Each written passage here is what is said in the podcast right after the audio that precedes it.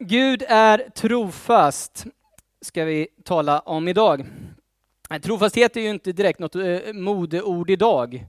Ehm, det används knappt i vanligt tal. Utan i samhället så talar vi istället om trohet eller kanske ännu mer om otrohet. Eller hur? Sverige idag så uppmanas vi ganska ständigt att vara otrogna. Har du tänkt på det? Alltså varje dag när man skummar igenom aftonblaskan så finns det ju alltid en rubrik med hur du är bäst otrogen. Eller igår så stod det Har du svårt att hålla dig ifrån exet? Som också spinner på att, att vara otrogen. Eh, sen finns det ju ganska extrema uppmaningar som den här eh, kontroversiella sajten kom, Victoria Milan eller något sånt där. En otrohetssajt helt enkelt. Men jag tänker även på sådana alldagliga saker som eh, att vi uppmanas att eh, vara otrogen mot vår bank, byt bank. Eh, vara otrogen mot eh, vår teleoperatör, byt teleoperatör, elbolag, bil, bostad. Eller varför inte ta och byta optiker? Viktor. det beror på vilken man har. Eller varför inte byta jobb? Det här uh, guldklockans tid känns ju lite passé. Eller? Kontentan av detta blir att vi enbart uppmanas att vara trogna mot oss själva och ingen annan. Då hela vårt samhälle kretsar kring me, myself and I. Alltså vi kan ju skratta lite åt det här med guldklockan, eller hur? Men är det egentligen så fel? Att vara trogen sin arbetsgivare i 25 år. Är trohet så fel? Jag tror att vi alla vill ha trohet mot oss själva men inte att behöva ge det, eller? Trohet är lite jobbigt för det handlar om ett ganska långsiktigt mål många gånger.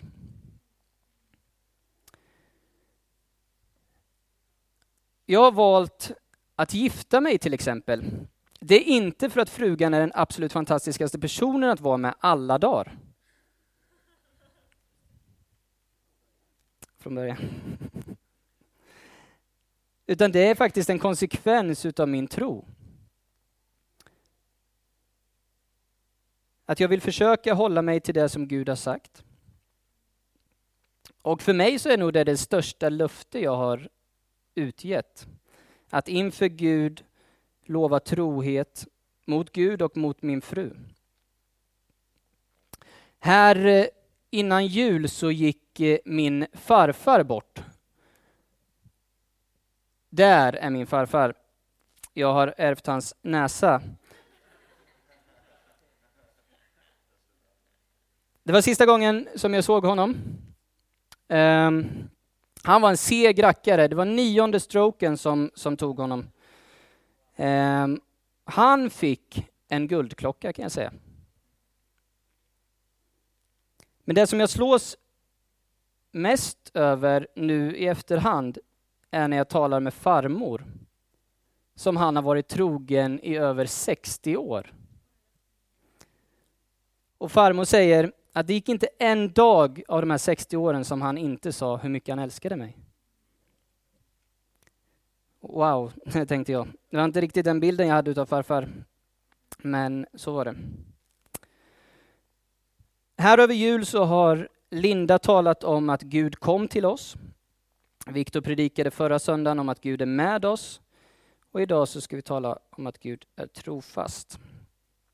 Kan man lita på Gud?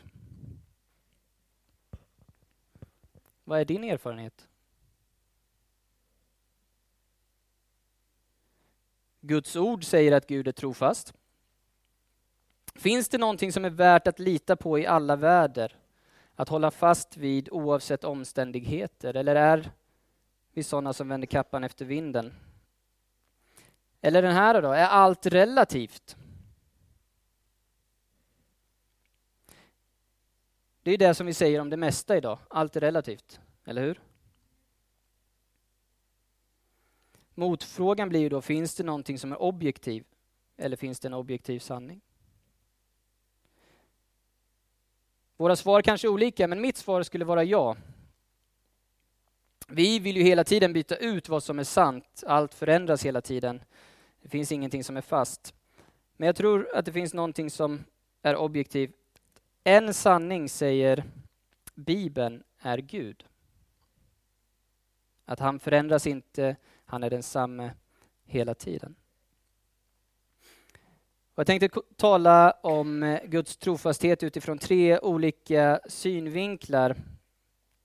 Och när jag tänker på trofasthet så tänker jag att det behöver ligga ett löfte bakom. Att det är någonting som man är trogen till. Jag vet inte vad du har för känsla vad, vad gäller löften, men för mig så är det otroligt viktigt att en person håller vad den har lovat. Ehm, det är en av mina eh, jag, ska säga, jag tror det kommer ifrån när jag var typ 15-16 och lekte gangster. Ehm, och den här mentaliteten att ingen är större än sitt ord, att man håller sitt ord, att man inte är mer än sitt ord. Och, och det har följt med mig i, i hela livet och är en viktig del, att man håller sitt ord. Och idag finns det ju 51 olika sätt att kontakta den berörda på och säga att du, jag kommer inte kunna hålla det jag har lovat. Eller hur? Ehm, ett banalt eh, annat exempel det är ju det här, eh, ska vi hänga på lördag Daniel? Ja, jag får se. Vadå får se? Då, det innebär ju att han väntar ut tiden för att se om det dök upp någonting bättre än mig. Eller hur? Jättekonstigt tycker jag. Svar, alltså, så det kanske inte det händer inte så ofta när jag frågar, men om någon annan frågar någon annan så. Men det är ganska taskigt. Jag provade jag är inte så mycket för det här med nyårslöften och sånt där. Um, det är en annan story. Men jag provade ett år att alltid säga ja eller nej direkt. Testa inte det. Sjukt svårt. Och shit vad mycket roligare grejer jag hellre skulle ha velat göra som jag missade för att jag hade sagt ja i ett tidigare skede. Men det var en ganska bra och nyttig resa eller prövning för mig själv och mitt annat. Men idag så ska vi inte snacka om mina löften. För att tro mig att jag bryter dem innan jag ens har lovat dem ibland.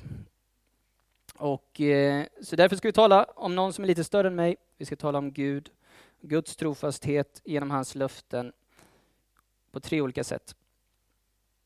Vi ska tala om Guds allmänna löften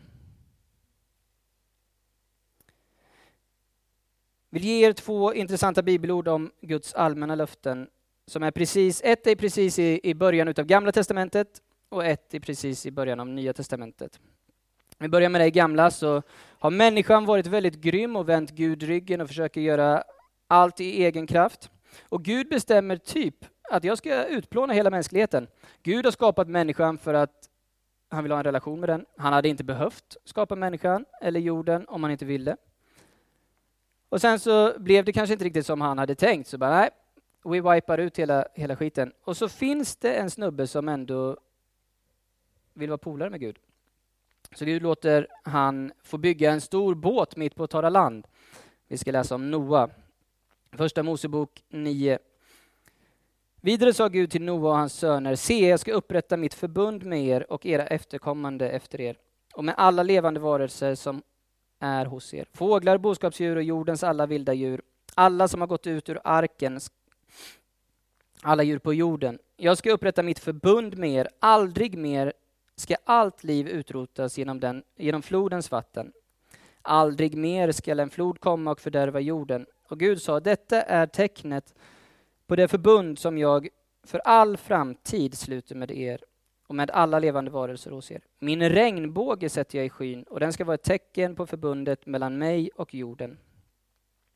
När jag låter moln stiga upp över jorden och regnbågen syns i skyn ska jag tänka på mitt förbund, det som jag har slutit mellan mig och er och alla levande varelser, allt liv, och vattnet ska inte mer bli en flod som utplånar allt liv. När regnbågen syns i skyn och jag ser på den ska jag tänka på det eviga förbundet mellan Gud och alla levande varelser, allt liv på jorden. Och Gud sa till Noa, detta är tecknet på det förbund som jag har upprättat mellan mig och allt liv på jorden. Regnbågen alltså. Här kan vi starta en intressant diskussion. Jag tänker inte göra det. Det enda jag kan konstatera är att Gud var några tusen år före gayrörelsen tog den som symbol. Nästa bibelvers är från Nya testamentet. Och det här kanske är världens näst kändaste bibelvers. Det är Matteus 28. Och när de såg honom tillbad de honom, men andra tvivlade. Då trädde Jesus fram och talade till dem och sa, jag har fått all makt i himlen och på jorden. Gå därför ut och gör alla folk till lärjungar. Döp dem i Faderns och Sonens och den helige Andes namn och lär dem att hålla allt vad jag har befallt er. Och se, jag är med er alla dagar intill tidens slut. Är med er alla dagar intill tidens slut. Det här löftet har många, tror jag, som har läst det i alla fall, gjort till ett personligt löfte. Men det står i förhållande till att vi gör Guds gärning. Vi kan fortsätta läsa några texter i Matteus. Det finns egentligen hur mycket som helst. Hela Bibeln är full utav Guds löften och, och bevis på hans tro, trofasthet. Matteus 6.33. Sök först Guds rike och hans rättfärdighet så ska ni få allt det andra också. Gör er alltså inga bekymmer för morgondagen, den ska själv bära sitt bekymmer. Var dag har nog av sin egen plåga.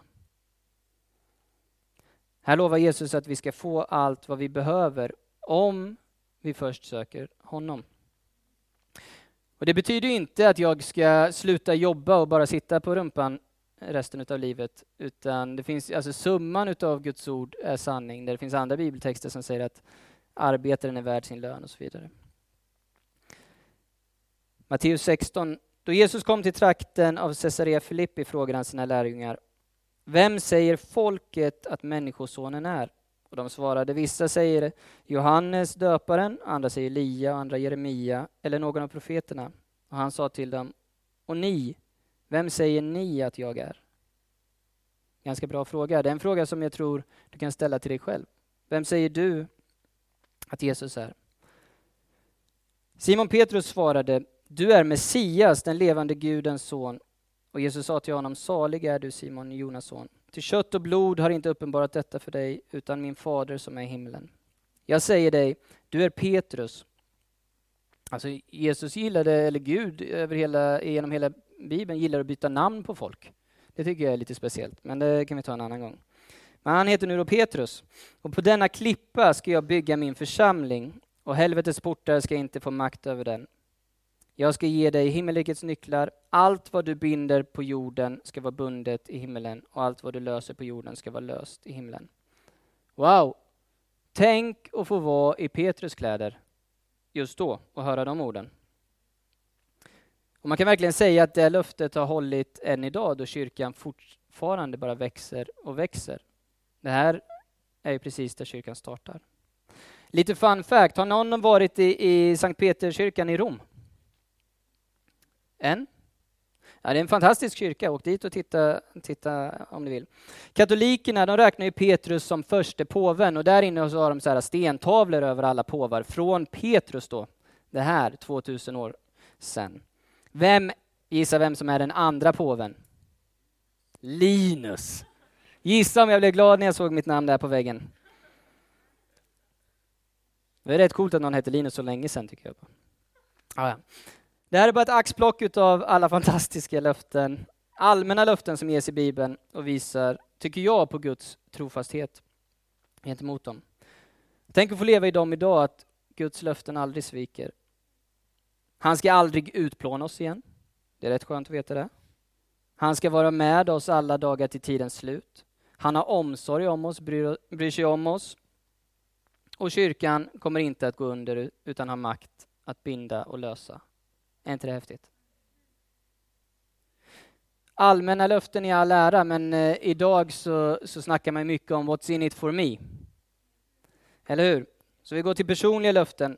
Om vi talar om allmänna löften så ska vi nu kika på lite personliga löften. Och här det första vi ska göra är att läsa ett personligt löfte till den andra stora ledaren för Israel.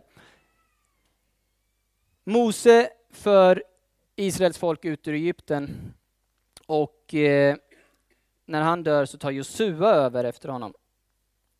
Och då säger Gud till honom, ingen ska kunna stå emot dig i alla dina livsdagar.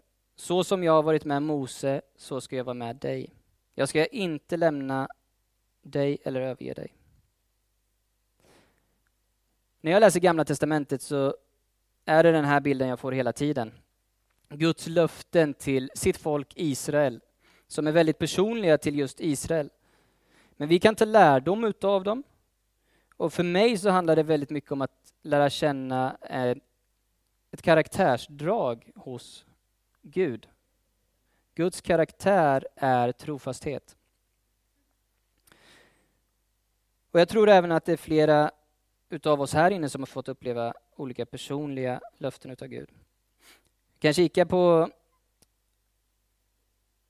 i Andra Mosebok. Alla här inne har kanske sett den här äh, tecknade filmen Prince of Egypt, där äh, Carola sjöng så fint på den svenska versionen. Eh, hur Mose för just Israels folk ut ur Egypten. Då står det så här i Andra Mosebok 12. Den tid som Israels barn hade bott i Egypten var 430 år. Och det hände att just den dagen då 430 år hade gått drog alla Herrens härskaror ut ur Egyptens land. Varför står det 430 år där två gånger? Jo, för här uppfylls ett annat löfte som Gud gav Abraham i Första Mosebok 15. Och Herren sa till Abraham, det ska du veta att dina efterkommande ska bo som främlingar i ett land som inte är deras. Där ska de bli slavar och man ska, bli och man ska förtrycka dem i 400 år. Men det folk som gör dem till slavar ska jag döma och sedan ska de dra ut med stora ägodelar. Snacka om att få ett löfte lite väl långt i framtiden. Eller? 430 år sådär. Det är vi inte så vana vid idag när allting ska vara fast food och instant och alltså laggar internet, då får jag damp. Ja men du vet, man har inte täckning på mobiltelefonen och så tänker man när jag växte upp så hade jag inte ens någon mobiltelefon. Man vänjer sig ganska snabbt. Jag hörde en story om hur indianerna gjorde när de eh, fattade sina beslut. Ehm, och det fick mig att reflektera lite över mina egna beslut. Det sägs att in, när indianerna skulle fatta beslut så tänkte de sju generationer bakåt, men framför allt så tänkte de att beslutet ska hålla sju generationer framåt. Det är ju kanske någonting som vi helt har tappat idag. Lite sådär. Sju minuter. Ja. Sju generationer. Vi ska kika i Lukas. Det blir ganska, eller några bibelord till. Det fanns i alla fall en snubbe i Jerusalem som hette Simeon. Ehm, och han väntade på att få se Messias. Han väntade alltså på, han var jude och väntade på att Jesus skulle komma. Messias skulle komma till judarna. Och den, hade, den heliga ande hade kommit över honom och han hade fått en uppenbarelse att han inte skulle dö förrän han hade fått se Messias. Gammal som han är så går han upp till templet precis när Maria och Josef ska omskära Jesus på den sjunde dagen. Och då tog han Jesus i sina armar och prisade Gud och sa Herre, nu låter du din tjänare sluta sina dagar i frid, så som du har lovat. Till mina ögon har sett din frälsning, som du har berättat skådas av alla folken, ett ljus som ska uppenbaras för hedningarna och en härlighet för ditt folk Israel. Det här är en helt fantastisk berättelse tycker jag, på många sätt om ett personligt löfte som går i uppfyllelse. Hur en gammal man var ledd av den heliga, heliga Ande, han fick en uppenbarelse. Han tog sig till templet trots att han var ready to die, typ. Och det som jag tycker är häftigast är att han kan se på en sju dagars bebis att det här är Messias, världens frälsare. Och alla kan vi få uppenbarelser. Oavsett ålder, inkomst, kön, whatever. Alla kan få uppenbarelser av Gud. Och detta är personliga löften som getts åt personer av Gud men som ändå står med för att lära oss någonting. Och det visar på att Gud är trofast det som han säger. Bibeln är ju inte skriven till oss utan den är skriven för oss. en ganska stor skillnad. Och det kan vara bra att ha med i bakhuvudet när man läser. Men för den skull så kan man ändå göra vissa av de här löftena till sina egna i olika situationer. Jag har själv många gånger valt att stå på vissa bibelord i vissa situationer. Och det har gett mig tro. Och eh, ja, men för mig visar de här bibelorden vem Gud är. Att han är trofast, att han håller. Och det har gett mig tro och hopp. När jag satt och förberedde mig så, så tänkte jag, man ska alltid ha med något eget, specifikt, eh, personligt. Men det är ju så att, jag kan vara ärlig och säga, jag har inte fått något, eh, vad jag kommer ihåg, något så här rakt tilltal där man bara hör eh, hela himlen öppna sig och bara Linus. Eh, tyvärr. Eh, jag hoppas det ibland. Eller jag har inte sett någon eldskrift på väggen heller. Även om jag letat efter ibland. Någonting som Gud har sagt. Däremot så har min relation med honom visat att han är trofast emot mig. Att han är trofast mot sig själv och då också mot mig. För mig så har det inneburit att jag litar på honom, att jag tror att han är med, att han är med mig och att han adderar till mitt liv där jag kommer till korta. Och ser man i, jag tycker där Klara snackade om det här med, med årsavslut. Jag förstår egentligen inte riktigt varför det blir så, så men det blir väldigt konkret när det är nyår. Man, man ser, blickar lite bakåt på vad året som har hänt och sen så ser man det som ett oskrivet blad framöver. Så är det ju varje dag i och för sig, att det är oskrivet framöver. Men just vid nyår så är det lite speciellt. Och när jag ser i mitt, i mitt liv i backspegeln så kan jag verkligen se hur Gud har varit med och lett och hur han har varit trofast i, i, i många skeenden. Och där skulle jag kunna ta många olika stories. Jag tänkte berätta om en och det är hur det kom sig att jag och Maria valde att flytta till Stockholm. Vi hade, vi hade brottats en tid med Gud om eh, det här med att bygga kyrka. Vi ville bygga, vad ska man säga, vi ville göra en kyrka som var relevant och nutida men inte flaky eller tummade på Guds ord. Och hur, hur, hur kan man göra det på, på bästa sätt? Och vi gick igenom en ganska tuff höst där, där min fru inte fick jobb och eh, jag kände mig ganska klar i mitt jobb. Och, och vi verkligen så här, Gud, vad har du för oss framöver? Vi, vi vill tjäna dig med våra liv. Vi, vi vet inte vilken dörr vi ska välja. Vi kan och så vidare. och så vidare. Det var en tuff höst och en tuff eh, vår. Sen så fick eh, min fru ett, ett fantastiskt jobb. Men det var ändå, vi, vi trivdes inte riktigt med, med livet där vi var. Eh, det kom en god vän, Daniel Stenmark, och hälsade på och vi tog en, en fika på Waynes Coffee. Ehm, eh, och ofta när han och jag ses så delar vi hjärta, delar livet och, och utmanar varandra. Eh, och det slutade med att han säger Linus, ska du inte hänga med till Stockholm och plantera kyrkor? Och då så var det som att någonting, det var ingen eldskrift, det var inget eh, dån från himlen, men någonting i djupet av ens inre bara ropar ja, det är det här jag ska göra. Så jag åker hem, ska till, eh, vidare på ett annat möte. Eh, min fru sitter hemma med sin syster och ser någon film. Jag springer in i all hast, lite stressad eh, för att jag ska iväg, pausar filmen och säger Maria, vi flyttar till Stockholm. Och hon säger, ja det gör vi. Varpå hennes syster sitter där som ett enormt frågetecken som har flyttat till Jönköping för att vi bor där och bara hade ni precis ett familjemöte och bestämde ett ganska stort beslut att ni ska flytta till Stockholm? Och Maria och jag tittar på varandra och bara ja. Och sen satte jag igång filmen och gick vidare till, till nästa möte. Tre månader senare så, så bodde vi här i Stockholm. Um, för den skull så är inte allt en bara highway, utan det, i, livet är livet. Men det finns saker i livet när man bara känner att ah, men det här är Gud trofast i, han är med. Och det har öppnat så mycket dörrar och så mycket, alltså jag är så glad att jag bor i Stockholm. Jag bara älskar Stockholm. Den kärleken tror jag inte hade kommit annars heller. Um, Guds trofasthet, han är med och tar hand om saker som vi annars oroar oss för. Den sista punkten, Gud är trogen mot det han själv har sagt att han ska göra. Det är egentligen båda de här två eh, tidigare punkterna handlar om det också. Men jag tänker på, på en annan sak.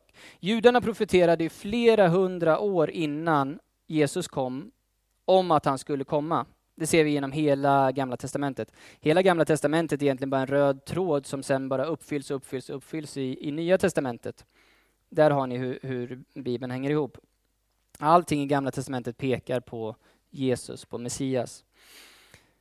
Sen kommer ju det Nya Testamentet och då ser vi att det skedde. Vi ser det i historieböckerna, vi räknar vår tid efter Jesus, vi firar jul efter Jesus, firar påsk efter Jesus. Ja, det är mycket kretsar kring snubben. Va? Eh, så att, att han har funnits är ju eh, inte så ifrågasatt. Så för min del då, så att de profeterade om att det skulle ske ger mig tillräckligt tro att tro på det som Jesus själv säger, nämligen att han ska komma tillbaka. Johannes 14 säger han, om jag än går och bereder plats åt er ska jag komma tillbaka och ta er till mig för att ni ska vara där jag är. Och Det här betyder ju inte att vi vet när, var och hur han kommer tillbaka. Exakt. Det finns rörelser genom hela världshistorien som har försökt pinpointa när han kommer. Det går inte. De har haft fel allihopa hittills och alla som kommer komma eh, kommer också ha fel. Så eh, tro inte på någon om de säger att de vet exakt när. Däremot så tror jag att det handlar om att man själv ska vara förberedd. Det finns en spännande grej som jag, med den senaste bibelöversättningen. Det har inte skett så jättemånga bibelöversättningar i Sverige där man har översatt från grund, grundtexten eh, Bibeln. Men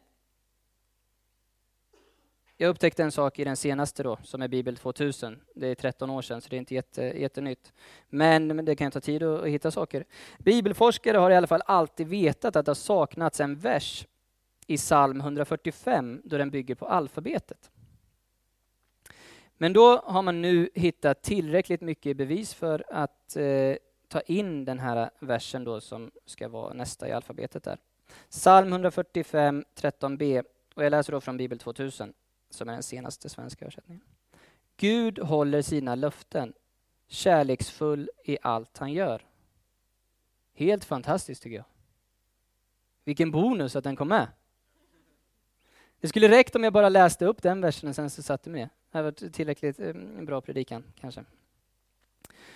En annan vers som visar på att Gud är trogen mot det han själv säger är Joel 2, och det ska ske därefter att jag ska utgjuta min ande över allt kött. Era söner och döttrar ska profetera, era gamla män ska ha drömmar, era unga män ska se syner. Också över era tjänare och tjänarinnor ska jag i de dagarna utgjuta min ande. Och det här ser vi då uppfyllas i Apostlagärningarna 2.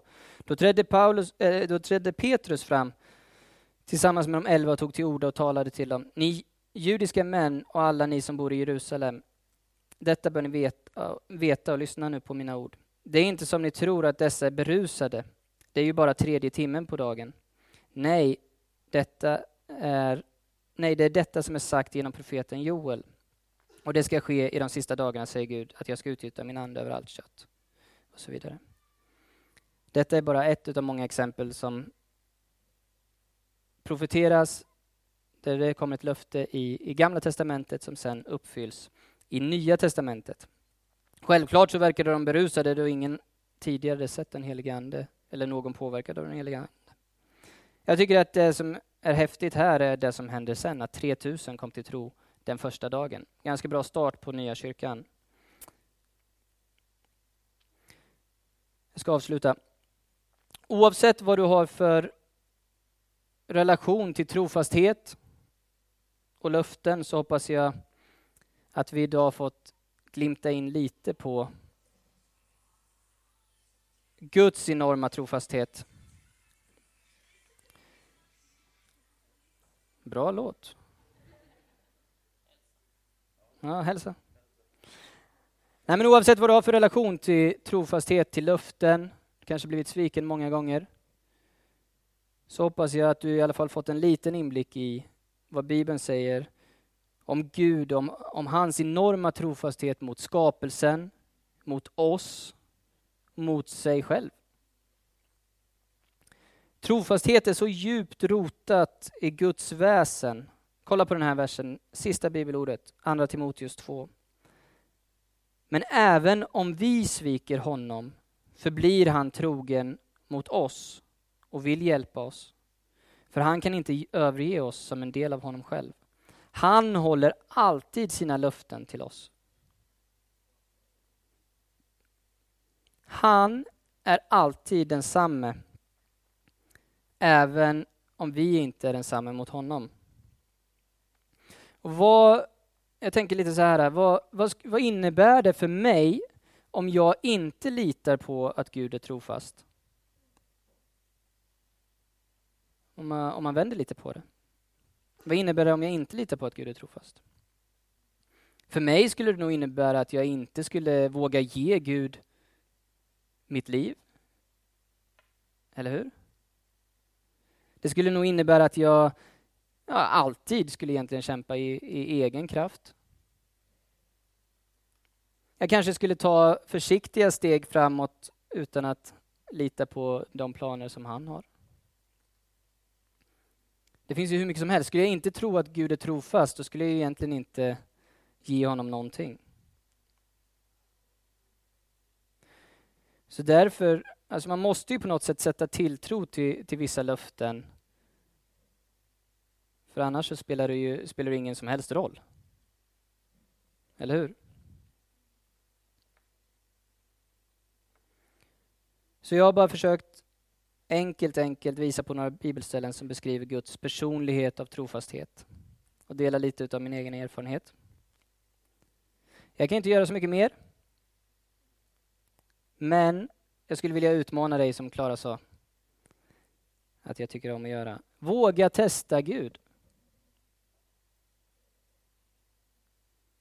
Jag tror att det är där skon klämmer för de allra flesta utav oss. Är Gud verkligen för mig? Kommer jag kunna lita på Gud? Är han trofast? Testa. Han håller. Vår karaktär är svag, men Guds karaktär är stark.